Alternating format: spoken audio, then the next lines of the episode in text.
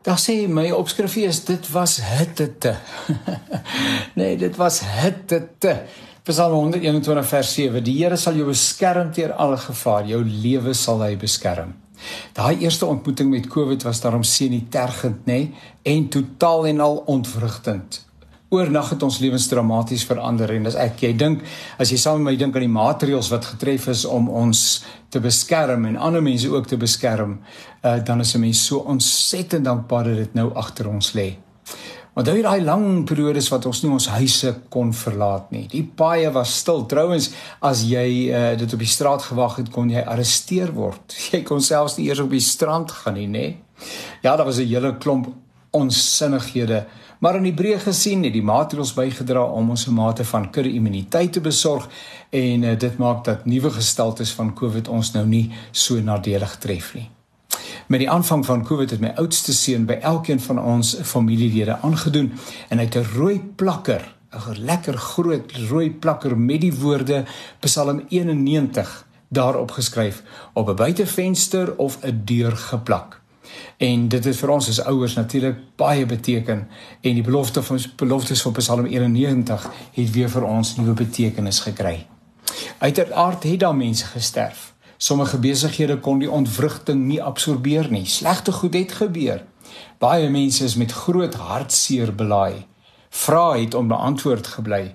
Dit is 'n stuk in 'n wêreld waar ons bly en slegte dinge gebeur.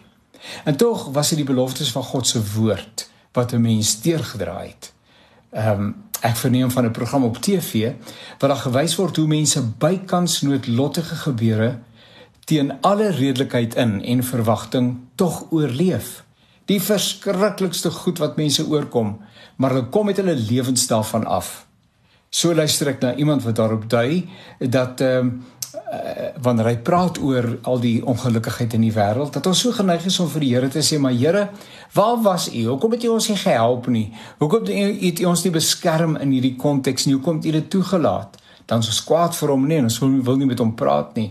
Maar die persoon wat preek vra dan het ons die Here al gedank en geloof vir die goed wat toe nie gebeur het nie? Soos hierdie TV-program van goed wat toe nie gebeur het nie teen alle verwagting en redelikheid in. Dalk nie net met ons nie, maar ook nie met ander mense nie.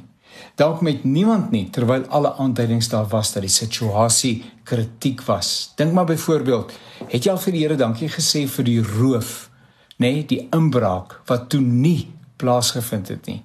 Het jy vir die Here gedankie gesê vir die kiem wat jou toe nie aangesteek het nie? Jy sal ook natuurlik nie eers daarvan weet nie, nê? Nee? Altyd nie jy al vir die Here geloof en dank vir die ongeluk wat toe nie gebeur het nie en die vuur wat toe nie verwoes het nie, het jy die Here al gedank dat jy toe nie dood is nie. Miskien wil jy en ek so 'n bietjie daaroor nadink.